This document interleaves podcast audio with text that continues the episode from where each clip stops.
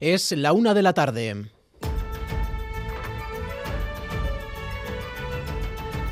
Crónica de Euskadi con Imanol Manterola.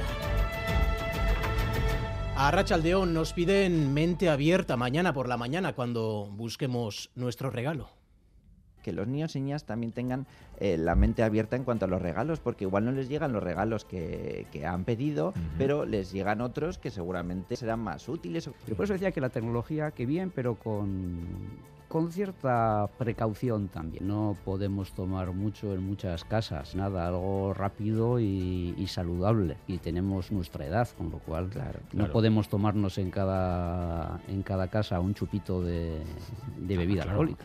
Bueno, Melchor, Gaspar y Baltasar están ya preparados para las cabalgatas, sus cabalgatas que recorrerán pueblos y ciudades esta tarde, desfiles como los de antes, sin restricciones y la ilusión, eso sí, intacta. Hola, Reyes Magos, ¿qué tal estáis? Soy Ian. Yo quiero un budí, un lukelele, una tetera con té.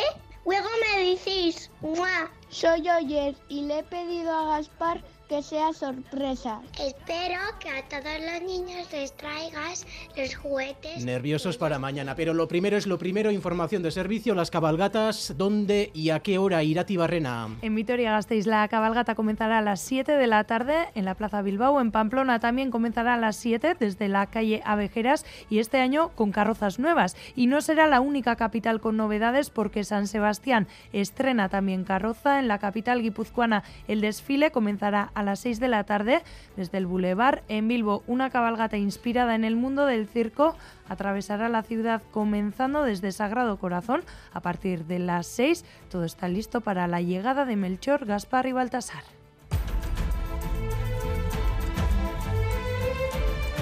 ¿Y cómo han cambiado sus hábitos alimentarios en los últimos años, si es que algo han cambiado? Yo lo que he dejado de comprar ahora es más pescado fresco. La carne sí sigo comprando la fresca. Le he bajado un poco. Mm. Igual tiras más de, pues de huevos o de otro tipo de, alimento. Más tortillas, más sándwiches, menos carne, menos pescado, más pasta, más arroz, más a lo barato. Compraba igual de cuando en cuando falda, entrecot, eso sí, pero ahora ya no, porque bueno, entre que hoy es mucho de la carne y bueno, y que igual han subido un poquito más y yo con la verdura me arreglo muy bien. Esto es lo que nos han contado ustedes en la calle y lo corroboran los datos del Ministerio de Agricultura, Pesca y Alimentación. Hemos dejado de comprar eh, alimentos, compramos menos alimentos, sobre todo menos carne y pescado fresco, Gary Suárez. Sí, bajada muy acentuada del consumo de los productos que compramos en los supermercados y luego nos llevamos a casa. Según el último informe del Ministerio de Agricultura, Pesca y Alimentación, las compras han caído en un 8,8% en tan solo un año. Descenso en prácticamente todos los alimentos. Destacan las bajadas de la carne y también del pescado, este último donde ha habido un descenso del 25% en las ventas desde 2008. Lo cierto es que el sector pesquero está preocupado no tanto o no solo por esa bajada en el consumo del pescado fresco, es que consideran que todavía puede bajar más y la razón es que el gobierno no ha incluido los productos de la pesca en la reducción del IVA que ha entrado en vigor este año. Distintas asociaciones y federaciones a nivel estatal han enviado una carta al presidente del gobierno Pedro Sánchez para exigirle que les incluya también en el IVA reducido porque siguen en el 10% tanto como los huevos, como el pan, que parece ser que son de primera necesidad, creo que el pescado también lo es. La gente está dejando, pues antes si consumía dos veces a la semana pescado, está consumiendo una vez a la semana. Pues dice, pues vamos a hacer más tortillas francesas. Y hoy miramos también al Vaticano.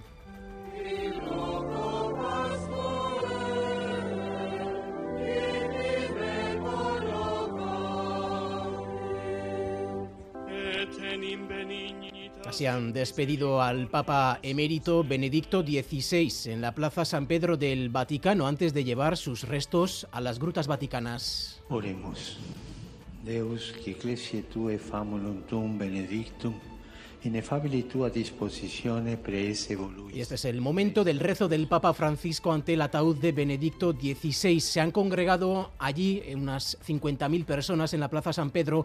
No ha sido un funeral de Estado al tratarse de un Papa emérito, pero se le ha parecido, aunque la asistencia ha sido sensiblemente menor. 50.000 personas frente a los más de 2 millones que presenciaron las exequias finales de Juan Pablo II. Enseguida nos lo cuenta desde allí, desde el Vaticano, nuestra enviada especial, Aneira Zabal Antes les contamos que en breve será norma lo que desde la pandemia ya empezó a generalizarse, partes de baja médica telemáticos, José Luis Fonseca. Sí, a partir del 1 de abril, todos los trabajadores y trabajadoras que suframos una baja médica no tendremos la obligación de entregar el parte de baja en papel a la empresa. Tampoco tendremos que hacerlo si la baja persiste ni cuando finalmente recibamos el alta. Todo el proceso telemático. Pero este nuevo decreto que hoy publica el BOE también establece que los médicos, sean de la empresa, de la sanidad pública o de las mutuas, podrán fijar plazos de revisión de las bajas inferiores a los máximos establecidos anteriormente, que son de 7 y 14 días. Que las mutuas puedan hacerlo suscita la crítica sindical ya que creen que significa darles más poder sobre trabajadores y trabajadoras. Y mañana se estrena en el Teatro Principal de Donostia ni en Aiziñois Dublín Negón, la nueva producción de Tantiaca, basada en el texto original del pamplonés Marcos Goicolea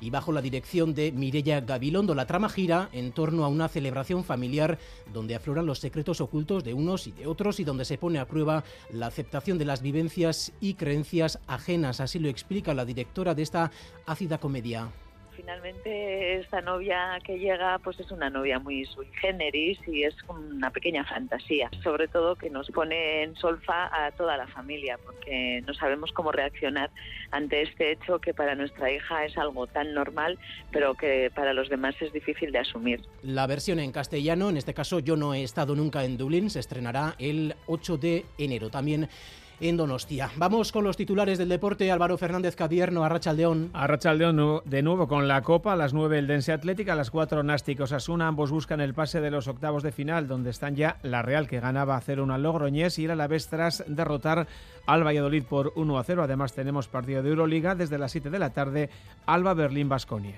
Y de nuevo tenemos una jornada soleada y temperaturas similares a las de ayer en los puntos en los que la niebla es persistente. En el sur del territorio tendrán un día bastante más frío. Ahora se registran 12 grados en Bilbao, 16 en Donostia solamente 3 grados en Gasteiz, 11 en Iruña y Bayona registra a esta hora 14 grados. En cuanto a las carreteras, el Departamento Vasco de Seguridad no informa de ninguna incidencia. Gracias por elegir Radio Euskadi y Radio Vitoria para informarse. En el control técnico, Raúl González y Paula Asensio, Irache Ruiz en la coordinación.